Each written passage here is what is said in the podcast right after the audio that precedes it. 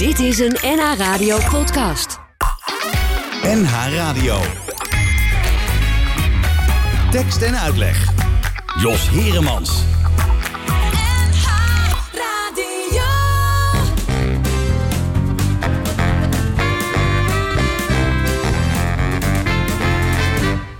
Ga je mee, ga je mee naar een stukje van Noord-Holland? Ga je mee, ga je mee naar de Egmond Boulevard? Kijk je mee, kijk je mee, kijk daar de nieuwe molens. Wind en stroom, schone droom, de kracht van de Noordzee. Zeil je mee, zeil je mee, kijk daar het paard van Marken. Stuurboord voor, bakboord langs, de kroon van het IJsselmeer. Ga je mee, ga je mee, je loopt naar het paard van Marken. Markerwagen in de trots van elke markerbeer. Ga je mee, ga je mee, is springvloed bij Den Helder. Ga je mee, ga je mee, het kookt in het marsdiep. Noorderhaaks, Zuiderhaaks en schepen naar de kelder. Tegen in de rug, huisduin heen en terug.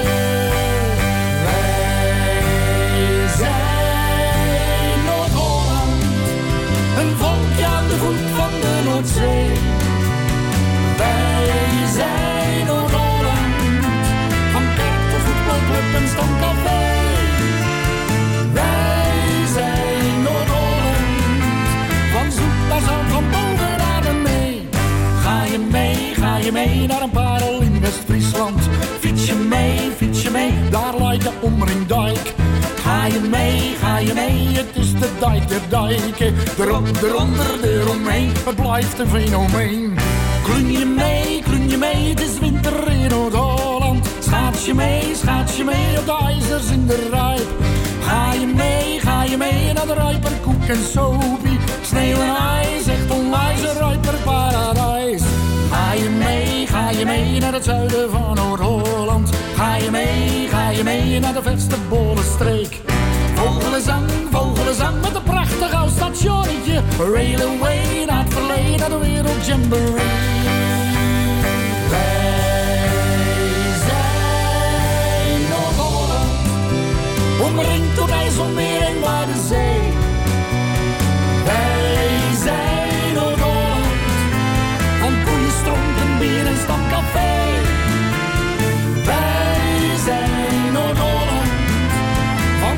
van.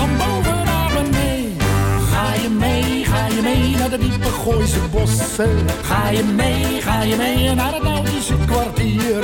Ga je mee, ga je mee naar een camping in Noord-Holland. Met z'n tienen alleen op de camping Overveen. Ga je mee, ga je mee in Mokum naar de Nieuwmarkt. Ga je mee, ga je mee naar de kroegen en de Waag. Ga je mee, ga je mee naar de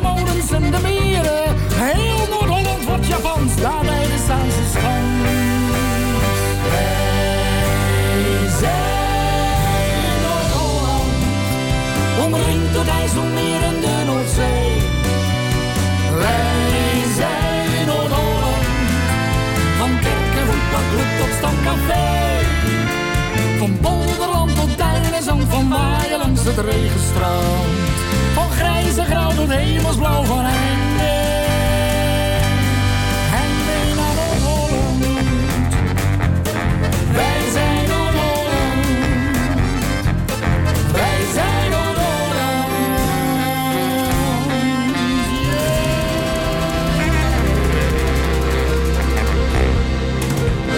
Ja, ding. Dat was Wij zijn Noord-Holland eh, van Jeroen Zeilstra. En dat is een lied dat eh, speciaal werd geschreven door Jeroen Zeilstra. Op, eh, ja, op eigenlijk instigatie van eh, NH Radio. Nou, niet helemaal de radio hoor, ook NH Nieuws. Dus eigenlijk van toenmalige RTV Noord-Holland. Omdat eh, koningin eh, Maxima en eh, prins Willem-Alexander naar onze provincie kwamen. En toen dachten we, daar moeten we iets leuks voor verzinnen. We maken een, we maken een lied voor hem. En dat kunnen we niet zelf, dus dan vragen we iemand die dat kan doen. En diegene was Jeroen Zeilstra. En je hoort het niet zo heel vaak, maar het is eigenlijk een hartstikke mooi lied. En eh, in tekst en uitleg eh, vanmiddag eh, zijn we heel blij dat we een heel speciale gast hebben. Hij heet Joop van Riesen. Hij was ooit, ooit hoofdcommissaris van de politie in Amsterdam. Maar de afgelopen twintig jaar is hij veel bekender als schrijver geworden. En dan met name van politietrillers. Goed dat je er bent, Joop. Hallo. Hallo. Ja, de hoeveelste is het eigenlijk? Het is de vijftiende van Ja. de politieserie. Eigenlijk het zestiende boek. Ja. Want het eerste was een non-fictieboek over eh, 40 jaar Amsterdam. Ja, 40 eh, jaar. in naam de wet. En ehm, na dat boek dacht ik, het eerste boek, nou ik ben klaar. Hè, Ja. Weg, eh, ik was met andere dingen bezig. En toen belde de uitgeverij van kom nog eens langs. En daar stap je dan binnen en dan zeggen ze... ja, willen toch nog graag dat je fictie gaat schrijven. Ja. Zeg, dat kan ik helemaal niet. Hm. Begin ik ook niet aan gewoon. Ik heb wel wat anders te doen. Nee, nou dat was mevrouw Marie-Anne van Wijnen, de uitgeefster. Die zei, dat ga je wel doen. ja. Dus een soort schooljuf die mij een opdracht gaf. Je moest je huiswerk inleveren. Ja, zoiets. En ja, dan liggen er nou 15 boeken. Ja, Wanneer wist je dat je het kon? Want je bent er wel aan begonnen. Die, nadat eh, die strenge juf eh, gezegd had gaat doen. ik kan het nog steeds niet, vind ik. Maar ja, Ja, nou toch op. nou, het is wel... Kijk, je begint eraan en je zegt... ja, nou ja, ik, ik vond niet dat ik het kon. Mhm. Maar ik, ik weet nog de dag bij wijze van spreken van het eerste boek. Het eerste fictieboek. Vergelding heette dat ding. En dat je daar zit voor de computer en denkt... en wat moet ik nou? Ja. En toen was eigenlijk het eerste dat ik bedacht... oké, ik moet een hoofdpersoon hebben. Mhm. En ik wil niet Joop van Riesen. Want het, het, je had wel het, het idee van het moet dan gaan over... ja, detective thriller, politiewerk, wat dan ook. Maar niet Joop van Riesen. Ehm, dus weet je wat, ik neem een vrouw. Alleen al dat ik het zo zeg, ik neem een vrouw. Ja. Ehm, en ik gaf haar de naam Anne Kramer. Mhm. En 15 jaar leef ik al dus met Anne Kramer. Ja. En daar is het eigenlijk mee begonnen. En in het korps zelfs, in de loop van de jaren... werd ik wel vaak benaderd ook door vrouwen die zeiden... wie is die Anne Kramer? En onder elkaar Mhm. waren ze dan bezig van... nee, dat is die. Of het is die. Ik weet het. Ja. nou, ik heb al gezegd, ik weet het niet. dus uiteindelijk... Nee, ik kan het eigenlijk beter niet zeggen gewoon. Maar uiteindelijk ben je het natuurlijk zelf. Uiteindelijk ben je het zelf, ja. Ja. Maar het is gebaseerd. De naam heb je van geleend eh, van, van een oude uitgever van je. Ja. ja. En het gekke is, nu na die 15 boeken. Want een, een boek ga je schrijven Mhm. op, op basis van een idee. Op basis van iets. Je gaat niet zomaar zitten en dan ga je zomaar schrijven. Er moet iets. Dus dan ben je aan het lopen, je bent aan het fietsen, je bent aan het nadenken. Dan dacht ik, 15 boeken, Anne Kramer. Dat mens, dat moet wel eens, dat moet dus eigenlijk gewoon vreselijk onderuit gaan. ja. Altijd 15 jaar Gaat dat goed? stevig topmens. Een beetje een dwarskikker, dwars Mhm. tegen de autoriteit. En zo ontstond zo'n gedachte van... oké, Anne Kramer, ik ga jou een keer fileren, bij wijze van spreken. In een moeilijke situatie brengen. Dat heb je gedaan in je laatste boek, Aanslag op de Dam. Daar gaan we het straks uitgebreid over hebben.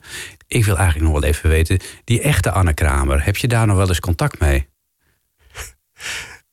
Dat is... Dat is eh, ik heb daar geen contact meer mee, maar dat was een mevrouw...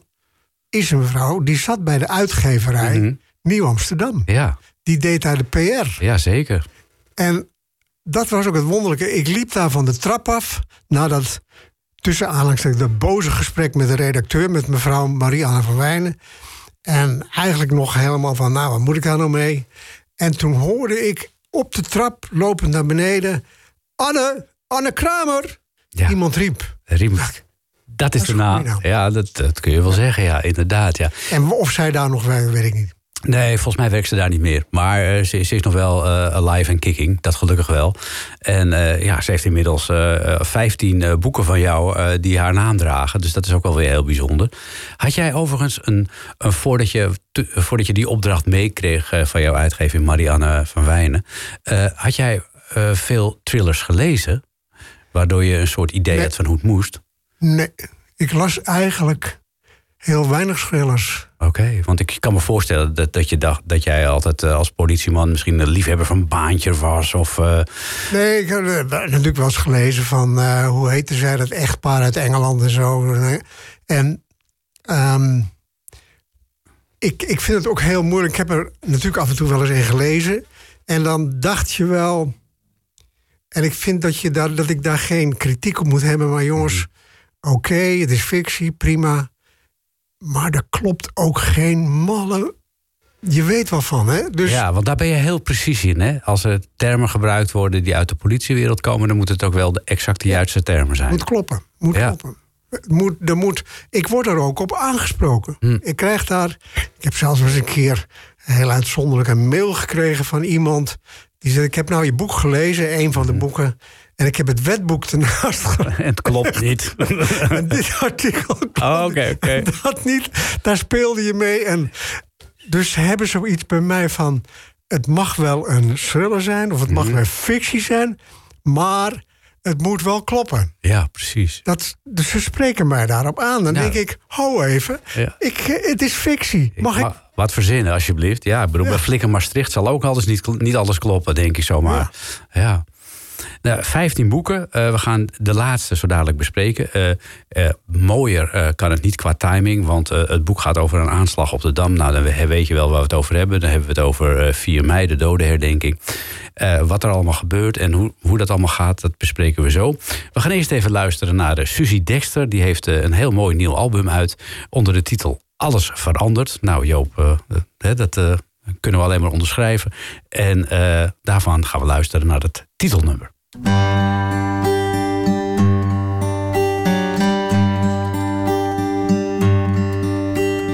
Alles is anders geworden, terwijl ik alles aan heb gedaan. Om dat niet te laten gebeuren.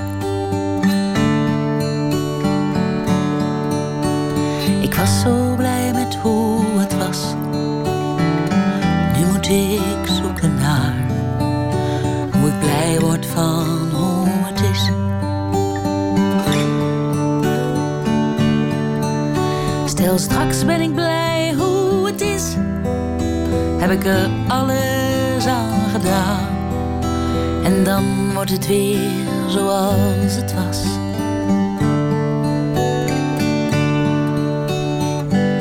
Dat is wat het is.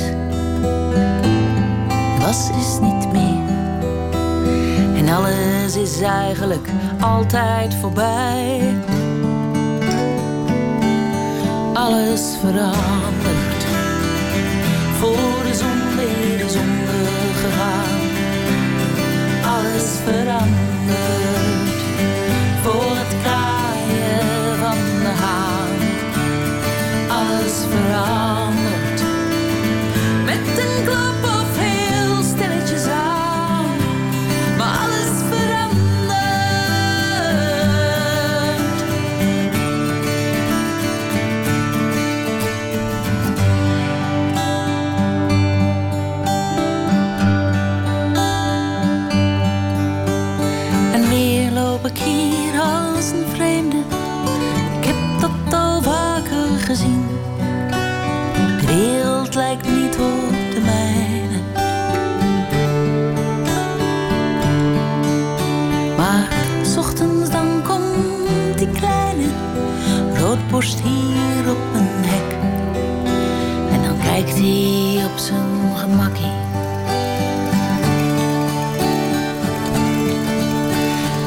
Dan zie ik zijn hoofdje schudden en zijn grappige lachende bekkie.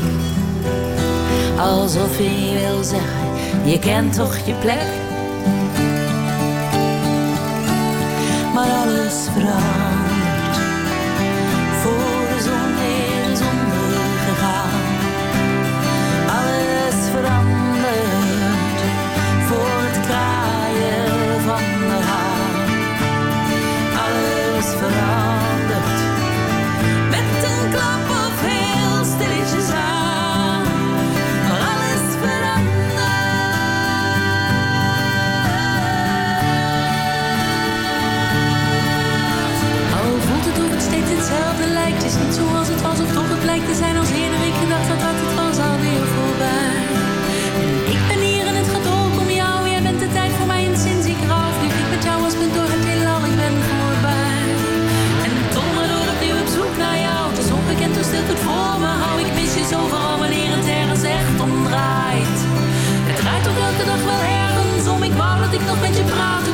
heb ik dat nooit echt gekund? Kortom, voorbij alles veranderd.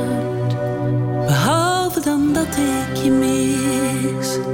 Je geur en je handen. En je kunst van het laten voor wat het is. Ik mis je zin, je gedachten. En je huid die als was als het is. En het blijft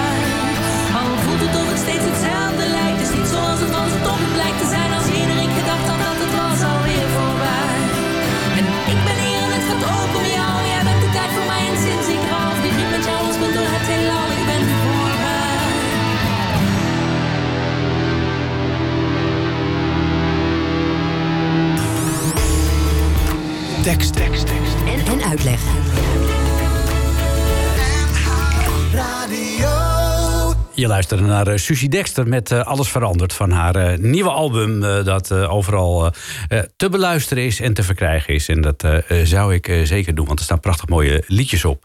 We praten vanmiddag in tekst en uitleg met Joop van Riesen, voormalig hoofdcommissaris in Amsterdam. Tegenwoordig al twintig jaar lang thrillerschrijvers. En zijn serie over Anne Kramer, die daarin de hoofdrol speelt. En die eigenlijk geënt is op Joop zelf, zo mag ik toch wel zeggen, toch? Zelfde functie zo'n beetje. En eh, ja, ze beleeft eh, in dit vijftiende boek eh, een bijzonder spannend avontuur. Want het gaat over eh, een mogelijke aanslag op de Dam. En nu heb ik me laten vertellen, Joop, dat jij zoiets zelf ook aan de hand hebt gehad, dat die dreiging er was. Ja, Ehm, dat is ehm, wat er ook gebeurde op het begin van... als ik met, met het idee aan het worstelen ben van... waar ga ik nou over schrijven? ehm, dacht ik, dit moet, een, dit moet nou eens iets worden... wat een hele lastige dag voor Anne Kramer wordt. En wat was dat dan? En dan komt boven gewoon eh 2000, 4 mei... ehm, Joop Verriesen zelf... Eh, die, en dan, die gewoon op die 4e mei eh, aan het werk is. 4 mei is altijd een wonderlijke dag bij de politie. Aan de ene kant is daar die herdenking met de spanning die daaromheen zit. Maar voor de rest is het eigenlijk stil. Veel mensen nemen vrij op 4 mei om ook naar die herdenking toe te gaan. Ja. Ik heb zelf ook wel vaak vrij gehad. Maar op die 4e mei ehm, had ik, eh, was ik in dienst. Eh, en, en het is een rustige dag. Je gaat eens even bij de recherche naar binnen, hier en daar. Even kletsen, even bijpraten. Eh, gelukkig geen vergaderingen. En ehm, ik was van plan om die middag om vier uur weg te gaan. En om drie uur, drie uur, ik zal dat tijdstip nooit vergeten... stormde iemand van de inlichtingendienst... die gelieerd is aan de AIVD, de Binnenlandse Veiligheidsdienst... stormde bij mij binnen. eh, er werd niet eens meer geklopt. Oké. En smeet als het ware een papieren ambtsbericht bij mij op tafel. Hij zegt lezen, lezen, lezen. Nou, in dat ambtsbericht stond dat diezelfde avond, tijdens de herdenking, een aanslag op de koningin, op koningin Beatrix, gepleegd zou worden. Een enorme dreiging. Smiddags om drie uur, een aanslag. En verder, ik denk, nou, mag ik nog meer even lezen? Nee, meer stond er niet in. De enige wat erbij stond, was dat de dreiging kwam uit Molukse hoek. Verder niet. Oké. En dan zit je, En dan? wat dan? Wat dan? Dus bellen met de AIVD van, wat, wat hebben jullie? Wat is dit? Er staat alleen... Niks. Niks. Wij hebben niks, alleen dit. Ja, maar waar komt het vandaan? Is er een informant die dit... Waar komt... Niks. Niks. Niks. En dan zit je daar. En dan denk ik... Ik weet nog wel, dat, dat moment vergeet je dan nooit van... Oké, wat je wat, wat normaal is in zo'n situatie... wat denk ik toch veel collega's zouden doen... is naar boven. Naar boven. Het neerleggen Bij maar, meerdere. in de driehoek. Ja. Eh, Lijkt me logisch ook. ja, omhoog, hè? Dan ben je zelf gedekt, bij wijze van spreken. Ook, maar ja, het is natuurlijk ook... eh, en niet- Leg het maar bij de hoofdofficier, de ook- burgemeester, Ja, korpschef, weet ik wie allemaal. het is geen kat, Dan zullen ze het misschien bij de minister-president neerleggen. Van wat moet hiermee? Zeg, jongens, het is drie uur in de middag. Om acht uur is dit. We hebben geen tijd. We hebben geen tijd. Wat doe ik? Wat doe ik? Verscheur ik het? Mhm. Doe ik alsof het niet bestaat? Ja. En, en, en uiteindelijk probeer je verstand erbij te houden en denk ja, als er nou niks is, misschien een telefoontje Mhm. en een vage dreiging, moet je dan zeggen: stop met die hele herdenking? Moet je dan de nationale herdenking gewoon cancelen op grond van een of ander vaag verhaal? Ik denk, dat ga ik niet doen. Dat ga ik niet doen. Wat heb je dan gedaan? Ja, nou ja, dan moet je eigenlijk het boek lezen. heb je hetzelfde gedaan als wat in het boek staat?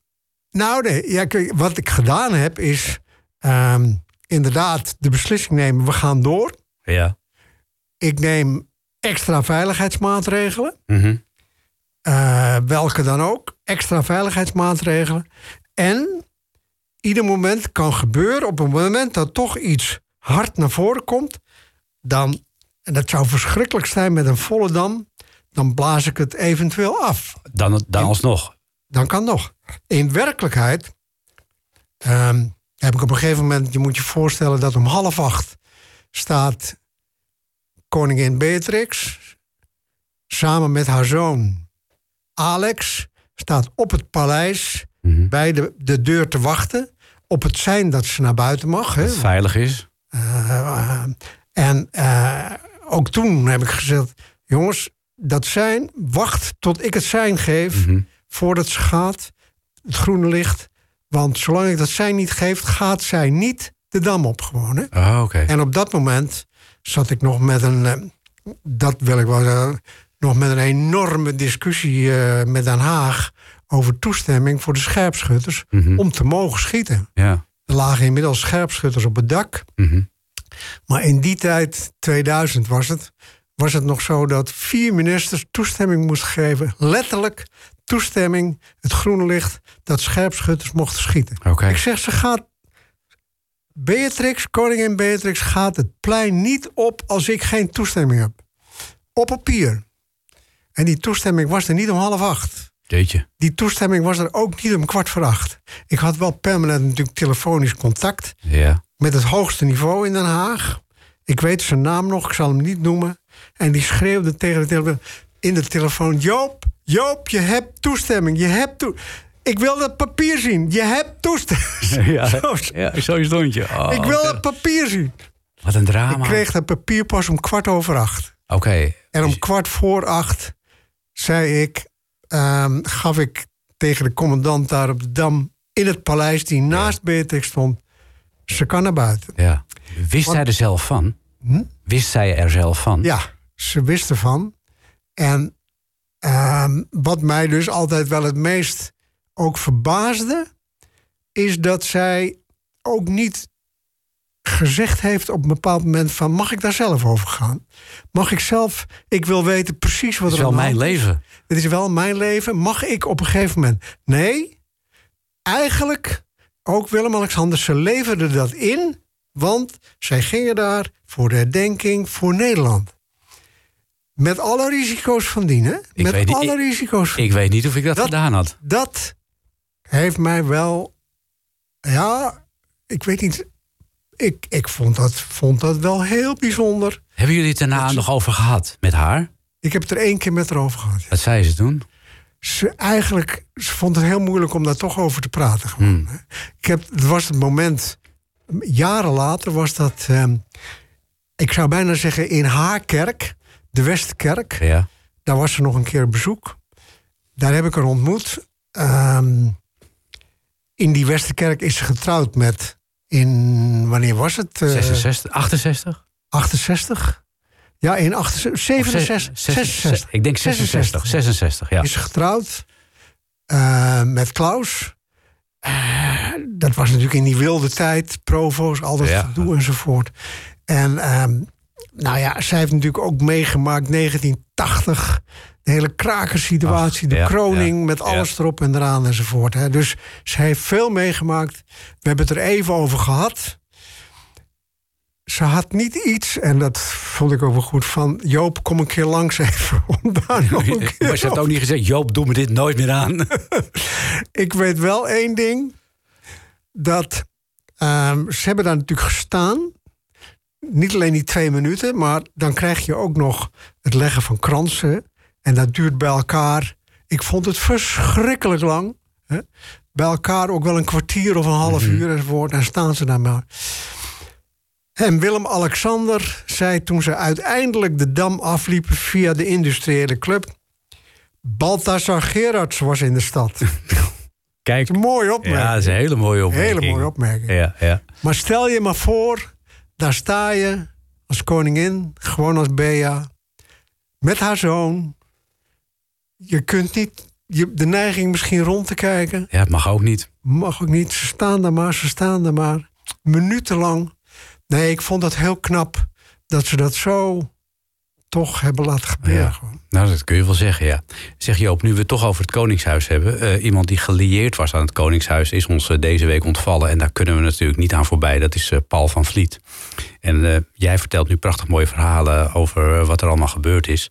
Paul van Vliet heeft een prachtig mooi nummer. En dat heet Er is nog zoveel niet gezegd.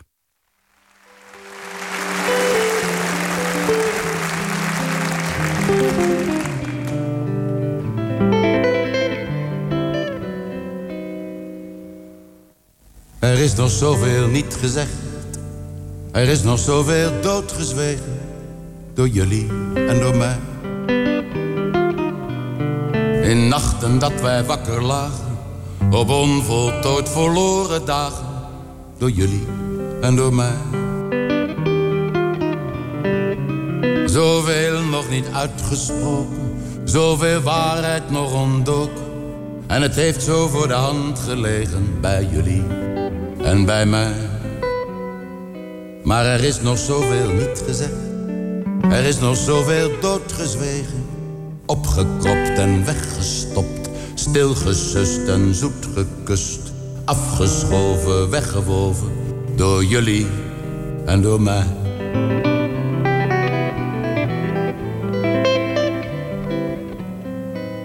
Er is nog zoveel niet gezegd.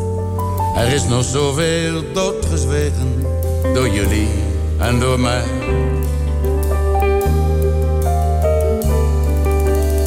Is nog zoveel blijven hangen. Stille drift, verdrukt verlangen bij jullie en bij mij. Zoveel grond nog niet ontgonnen, zoveel plannen niet begonnen. Vragen die geen antwoord kregen van jullie, nog van mij. Er is nog zoveel niet gezegd. Er is nog zoveel doodgezwegen. Wel gedacht, maar niet verteld. Afgewacht en uitgesteld. Doorgeschoven, weggewoven. Door jullie en door mij. Opgekropt en weggestopt. Stilgesust en zoet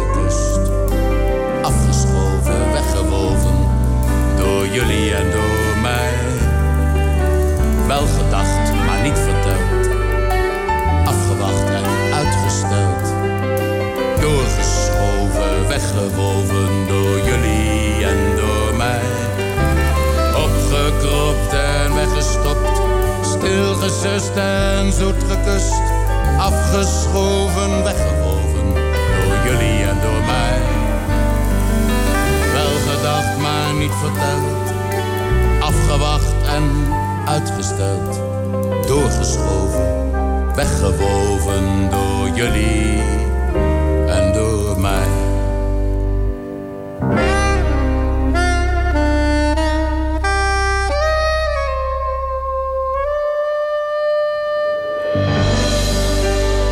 Goedenavond en welkom in Scheveningen. Tekst en uitleg.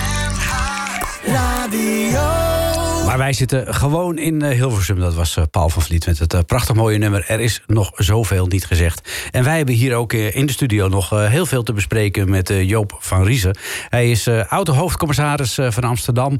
Hij is al twintig jaar lang thrillerschrijver. En zijn vijftiende boek over Anne Kramer heeft het levenslicht gezien. En dat mag er eentje wezen. Aanslag op de Dam heet het. En we hebben het al over de, de werkelijkheid gehad in het jaar 2000. Dat Joop van Riezen zelf te maken kreeg met een dreigement dat er mogelijk een aanslag op de dam zou plaatsvinden op 4 mei op koningin Beatrix. Dat is allemaal goed afgelopen. Zijn jullie er later overigens nog een keer achtergekomen waar die dreiging vandaan kwam, Joop? Wie, wie dat had gemeld? Nee. Okay. Dat is nooit, nooit naar voren gekomen. We hebben er natuurlijk wel druk naar gekeken, maar het was zo algemeen. Ja, mm Molukse hoek. In die periode was dat veel meer dan, laten we zeggen nu, hè, 20 jaar, 25 jaar later. Maar het is nooit uitgekomen. Dus je, je weet dus ook niet of er door mijn maatregelen uh, de dader gedacht heeft: hier moet ik wegwezen. Ja, kan ook. Dus echt in de buurt is geweest. Dat weet je dus niet. Nee. Je weet het gewoon niet. Nee. Ik weet ook dus echt niet welk risico. Nou, ik, maar met name Beatrix en Alex gelopen hebben. Ik weet het niet gewoon. Hè? Nee. Nou ja, dat, uh, daar moet je dan mee leren leven. Ja. Hè? En Ja. je leven mee doorgaan. In jouw boek uh, vindt diezelfde dreiging plaats. Daar komt om 11 uur 40. Dus dat is uh, zeg maar ruim 9 uur voordat de dodenherdenking plaatsvindt. Nee, wat zeg ik, 8 uur voordat de dodenherdenking plaatsvindt. Het volgende bericht binnen. Hoogste urgentie. Informatieniveau 4. Mogelijke aanslag op SH1 slash SH2 in verband of tijdens dodenherdenking. Reactie conform instructie Versailles via Adam IE dubbele punt BM HOVJ HC Pol, CR. Nou Joop, uh, leg maar eens even uit wat ik hier heb voorgelezen. Want toen ik het voor de eerste keer las, toen uh, wist ik begot niet wat over ging. Later in het boek wordt duidelijk wat het betreft. Maar nu we hier toch zitten. Ja. Laten we beginnen bij uh, mogelijke aanslag op SH1 slash SH2. Nou mag ik even uitleggen dat het boek speelt dus gewoon nu. Ja, precies. Ja. Het, is, ja. het is een verhaal wat nu speelt, bij, bij wijze van spreken in 2000. Waar leven we? 23. 23 inmiddels, Joop. 23. Ja, ja. Gewoon op 4 mei 2023. En uh, ik moet erbij zeggen, dat speelt dus ook over, niet meer over Beatrix, maar over onze huidige koning. Mm -hmm. En uh, zijn echtgenote, de koningin, die daar dan ook op de dam staan gewoon. Mm -hmm. Hè? Dus um, uh, niet 20 jaar geleden, maar gewoon nu. Nu. Zo'n ambtsbericht, als je dan kijkt, kun je zeggen, ziet zo'n ambtsbericht er ook echt zo uit? Nou, ik heb er even over nagedacht enzovoort. Kijk, um, de aanslag op S, SH1, SH2, dat is het niveau. Oké. Okay. Het niveau van dreiging. Het dreigingsniveau. Ja. SH1, SH2. In verband tijdens de dodenherdenking. Reactie, conform instructie, Versailles. Versailles is ook verzonnen. is gewoon fictie, is gewoon verzonnen. Oké. Okay. Via Amsterdam. En dan is BM de burgemeester. Ah ja. He, dus, men dus, dus de informatie wordt toegezonden aan de burgemeester. Ja. Aan de hoofdofficier. HOVJ, ja. Hoofdofficier van Justitie. Hulp, hoofdofficier van Justitie. En aan hoofdcommissaris van politie. Ah, dat was jij. dat is dus eigenlijk uh, tegenwoordig is dat die zit in Den Haag, hè, de nationale politie. Ah, zo, ja. Hè? Dus die krijgt dat bericht. En aan CR, dat is de chef van de Centrale Recherche. Ah, oké. En dat is, dat is Anne Kramer. En dat is Anne Kramer in het boek. Die krijgt hem dus rechtstreeks. Ja, en die SH1 is dat staatshoofd 1 en SH2 is dat ja. staatshoofd 2? Ja, klopt. Ah, zo. Ja. Maar, ja. En dan is het informatieniveau is 4. Hoeveel niveaus zijn er eigenlijk? Ik heb geen idee. Oh, ik heb geen dat heb je gewoon verzonnen. Allemaal verzonnen. Oh, Oké, okay. nee, dan is het helemaal helder. Nee, ik dacht eventjes dat er bij de politie en bij de inlichtingendiensten echt de term Versailles uh, gebruikt werd als het ging om het Koningshuis. Maar dat komt ook uit het jouw zou brein. best kunnen. Alleen eh, in de huidige tijd kan dat zo veranderd zijn, allemaal weer met de huidige dreiging enzovoort. Dat durf ik niet eens te zeggen. Heb Nee. ik ook verder geen onderzoek naar gedaan. Nee, heel goed, heel goed. Nu is het zo natuurlijk, jou- jouw hoofdpersoon Anna Kramer... die krijgt dit bericht en die komt dan in dezelfde eh, ja, moeilijke situatie als jij zelf zat... van wat moet je doen? Ja, dus, dus ook zij zit dan in die situatie. ehm, ik kan maar twee dingen doen, denkt ze. Of ik laat het doorgaan, of ik stop. Nu, de hele handel. Ook zij dacht, moet ik naar... Hè, kijk naar burgemeester, hoofdofficier, hoofdcommissaris enzovoort. Als ik niets doe en al die mensen ga inlichten... en die moeten gaan vergaderen... Hou maar op, dacht ze, dat wordt niks. De burgemeester is onderweg vanuit de stad ook al naar de Nieuwe Kerk of naar het paleis. Hè? Eh, de hoofdofficier is onderweg, de hoofdcommissaris is... Die zijn helemaal niet meer aan het... Die zitten dan in een auto en dan roep ik van... Jongens, dit is dan... Nou, dat wordt niks. Dat Nee. wordt dus helemaal niks. Mijn redacteur van dit boek, die het manuscript toen heeft gelezen, zei: Nou, jij spreekt. Ik begon ook met drie uur, ook in dit boek. En toen zei hij: Er gebeurt zoveel. Je kunt beter om elf uur beginnen. Want anders Past dat niet? past het niet in dat boek gewoon. Dus, dus eigenlijk had ik daar bezwaar tegen. Want ik wil dan altijd bij de werkelijkheid blijven. hè, Dus drie uur. Nee, doe, doe nog maar elf uur, half twaalf. Nou, oké. Ja. Dat, daar ga ik dan in mee. Nou, er gebeurt genoeg hoor. Ja. dus ehm, uiteindelijk eh, werden die ook in de werkelijkheid, dus toen 2000, werd dus de burgemeester en de hoofdofficier wel uiteindelijk ingelicht. Die kregen het wel te horen. Maar tot, ook dat kan ik nog wel zeggen, die hebben eigenlijk nooit gereageerd. Hmm.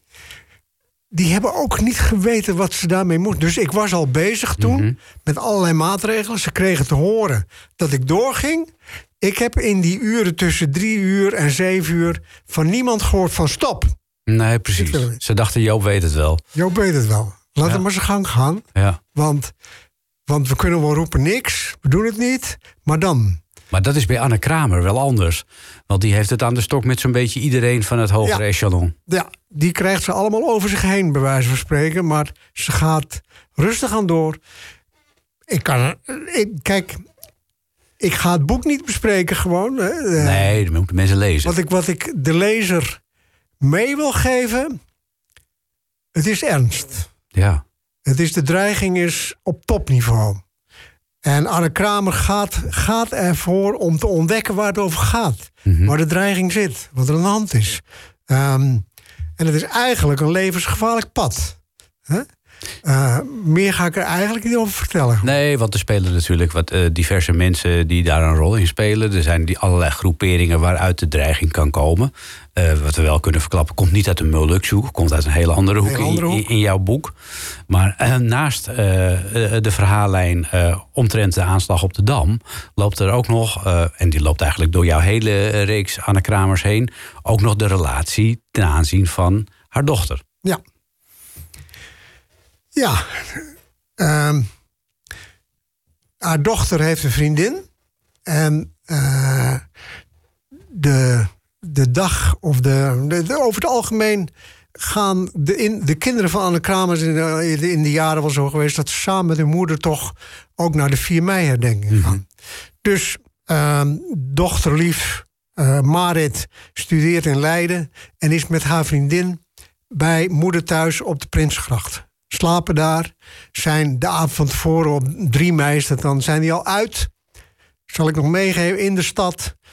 En ja, je probeert te beschrijven wat er gebeurt met zo'n met zo'n koppeltje in de stad Amsterdam. Hoe is dat? Hoe zit dat meisje in elkaar? Ehm, meisje van een jaar of 20, 19. Ehm, zij zij heeft daar toch moeite mee. Niet dat ze lesbisch is, maar eh, er zit een intern gevecht met haar. En in dat gevecht zit iets van. Ze heeft natuurlijk ervaring, eh, straatervaring. Ze wordt aangesproken, er worden, eh, worden dingen geroepen, dingen gedaan. Op het moment dat zij hand in hand loopt met haar vriendin, krijgt ze het een en ander te horen. En langzamerhand bouwt zich dat op. Ze is boos daarover. Op een gegeven moment in die boosheid wordt ook wel eens op een gegeven moment de opmerking gevraagd van... ja, we hebben een homo-monument, hè? juist om aandacht voor. Dus dan hebben we dan ook een hetero-monument of zoiets, hè? Ja, ja, Waarom zij- hebben we een homo-monument? Waarom moet er aandacht voor zijn? hè? Ik ben toch gewoon wie ik ben? Ja, zij zegt ook op een gegeven moment van... ik wil gewoon normaal zijn en als normaal be- beschouwd worden. Ja. Waarom mag ik niet zijn wie ik ben? Ja. In die kern. Maar tegelijkertijd ehm, gaat ze wel op kickboksen. Om zichzelf te kunnen verdedigen. En niet alleen, ze heeft ook iets van... ze moeten het niet te gek maken met verkeerde opmerkingen... want dan krijgen ze een trap van me, bij wijze van spreken. hè? En dat doet ze ook. Ja, dat doet ze dus ook. Die woede, die woede zit erin. En Anne, haar moeder, maakt zich daar wel zorgen over gewoon. Hè? En, eh, over- Terwijl ze ook heel veel op Anne lijkt wat dat betreft. Dat, Ja. dat is ook niet Ja. bepaald een, Ja. eh, de toppunt van kalmte altijd. Dus, dus als je dat bij elkaar optelt, die dag van 4 mei, met zo'n, want daar begint het mee, zo'n gebeurtenis op 3 mei, dat dochter Marit al in een gevecht terechtkomt, dat eigenlijk niet eens thuis wil vertellen, maar uiteindelijk krijgt het toch wel te horen dat er ergens in de stad, in de binnenstad, in die avondnachtelijke uren toch een eh mappartij is geweest. Eh, dat, daar heeft ze het moeilijk mee. Ja. heeft het moeilijk mee. Nou, die dingen bij elkaar, ga dat maar optellen. Dan krijgt ze eigenlijk, terwijl ze met een gedachte bij de dochter zit... hè, de dochter en die vriendin... krijgt ze de melding over de aanslag op de koning. Nou, ga er maar aan staan. Ja, dan moet je wat. Moet Eh, hoe dat verder gaat, eh, gaan we straks nog een heel klein tipje misschien van de sluier eh, van oplichten. Voorlopig blijven wij volledig in de mist zitten, net zoals de vreemde kostgangers.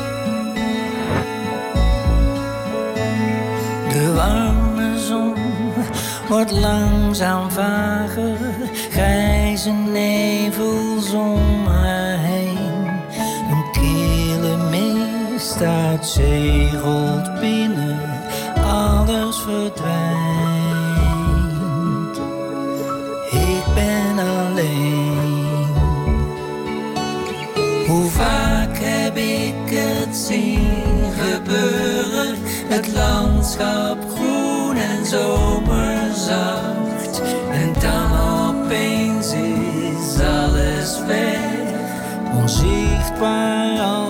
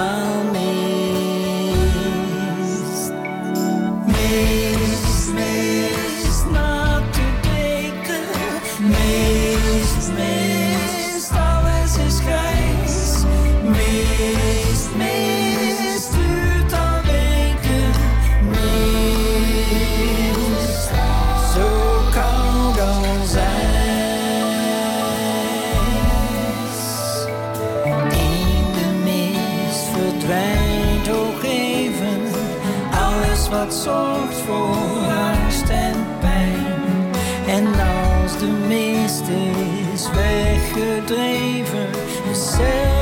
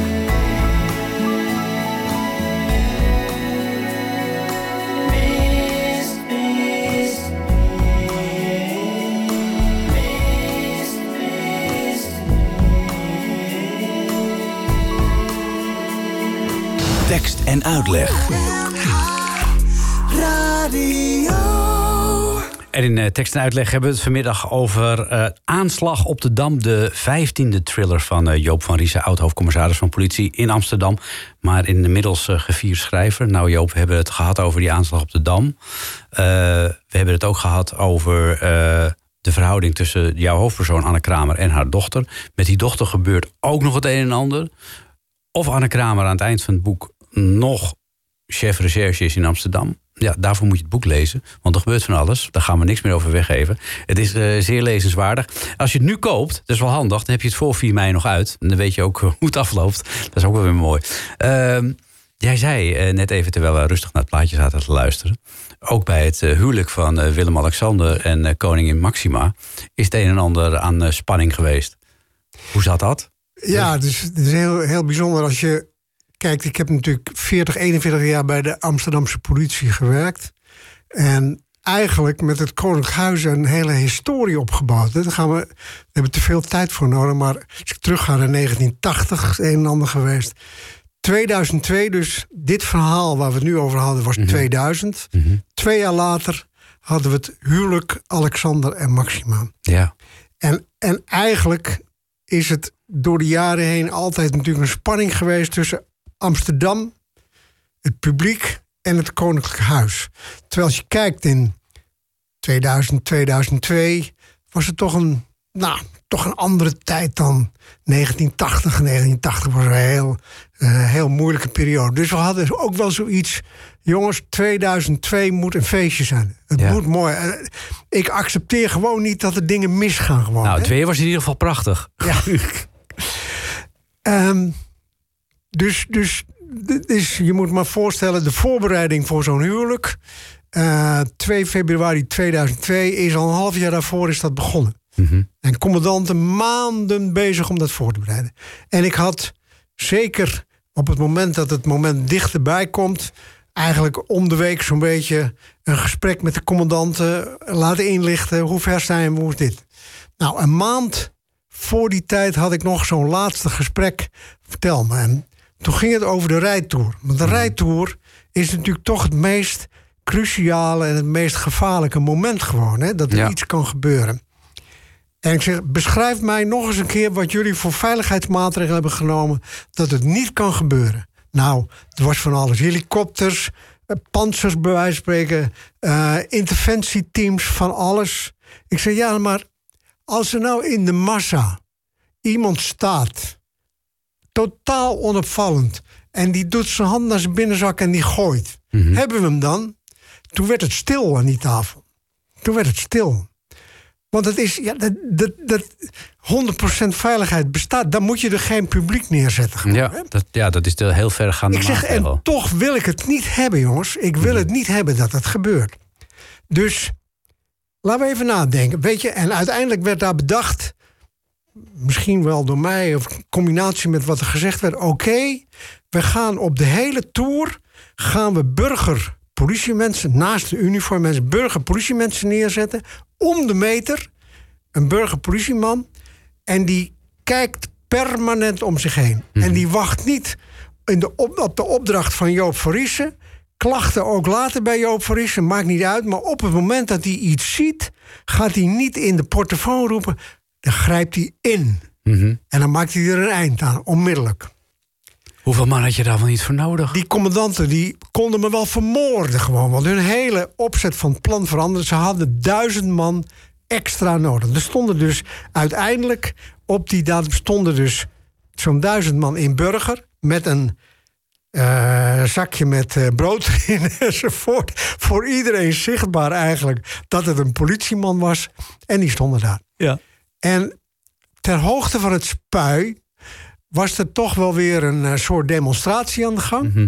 En op het moment dat de koets daar aankwam, gebeurde wat er gebeurde. Daar stond een jongen van 17 jaar, die had een rugzak op en die dacht: ik ga wat doen. En in zijn rugzak had hij een bom. En die jongen dacht: die bom, op het moment dat de koets gaat open, die ga ik gooien, kijken wat er gebeurt. Dus die maakte die beweging naar zijn tas op een of andere manier. En de burgerpolitieman had het in de gaten, dus ze schreep, grepen hem in zijn lurven, pakten hem, haalden hem daar weg. En op het moment dat ze die rugtak opendeden, zagen ze die bom. Nou, ze zijn nog nooit zo geschrokken. Hebben hem daar weggesleurd. Die bom werd later onderzocht. Alles ver weg daar vandaan enzovoort. En dat was, het zag er helemaal echt uit. Draden, eh, een telefoon erbij. Er zat alleen geen Semtex in. Ah. Het is niet een echte bom. Kon hij ontploffen? Hij kon niet ontploffen. En in het verhoor van die jongen werd ook gezegd: waarom deed je dat? Ja, geintje. Geintje, meneer. Ik zou de bom gooien. Hij kan niet ontploffen. Maar wat gebeurt er dan? Nou, moet je je voorstellen wat er gebeurt als er zo'n bom daar ligt. En die koets met die paarden komt daar aan. Ja. En dat ze zien die bom daar liggen. En er ontstaat paniek. En de paarden die slaan op hol, bij wijze van. Je weet niet. En, en het koninklijke echtpaar moet... of het echtpaar moet uit die koets. Je weet niet wat er gebeurt. Geintje, meneer. Jee. 17 jaar, geintje. Och, och, och. Dat eh, is eh, niet een echt bekend verhaal, dit. Ze hebben het niet vaak de commandanten tegen me gezegd.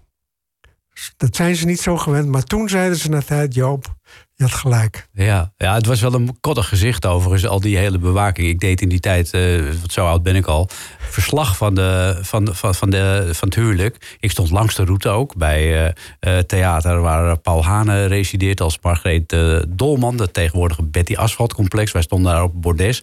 En we zagen echt om de paar meter ook inderdaad zo'n stille politieagent staan. Met allemaal hetzelfde broodtasje. Dus we zeiden, ah, daar staan de stille. Dus het was niet heel onopvallend, Joop. Dat is weer jammer. Maar goed, eh, wel goed dat dit voorkomen is natuurlijk. Want eh, ja, voor, voordat je al die paniek eh, over het publiek heen krijgt... als dat helemaal aan, allemaal aan het rennen gaat. nou ja. Spannende verhalen. Net zo spannend als die er in jouw boek staan. Aanslag op de Dam. Nou, laten we in godsnaam hopen dat het op eh, 4 mei allemaal goed gaat dit jaar. Met Koningsdag was het hartstikke gezellig. Daar gaan we vanuit. Ja, zit jij dan nog wel een beetje als politieman te kijken naar hoe die voorbereidingen zijn? Of bemoei je je er helemaal niet meer mee? Nee. Nee? Nee. Oké, nou, en als je nog een goede tip hebt, bel je dan? eh? Nee, kijk, de, de, de, contacten met de politie lopen wel door. Met name door het schrijven ook. Omdat door het schrijven dan, dan stuit je op iets en dan denk je... dat wil ik toch weten, nieuwe ontwikkelingen. Dan bel ik even een collega en niemand anders krijgt die informatie... maar die krijg ik dan wel gewoon. Ah, kijk. Als het gaat over de digitalisering en over allerlei zaken... nou, dan eh, kruip ik er even bij en dan vertellen ze mij met heel veel plezier... hoe het nu gaat gewoon. Hè? Ja. En, eh, dat is leuk. Ja. Nou, ik vond het heel leuk dat je er was. Ik hoop dat er nog heel veel eh, afleveringen van jouw reeks met Anne Kramer in de hoofdrol zullen volgen.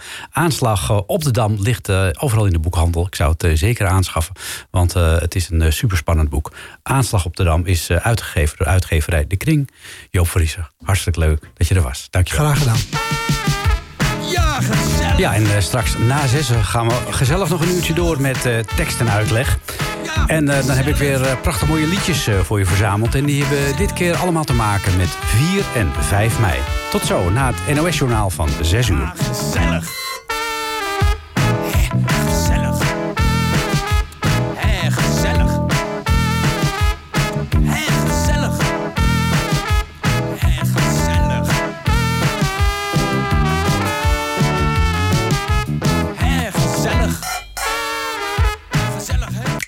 Dit was een NH Radio podcast. Voor meer, ga naar nhradio.nl.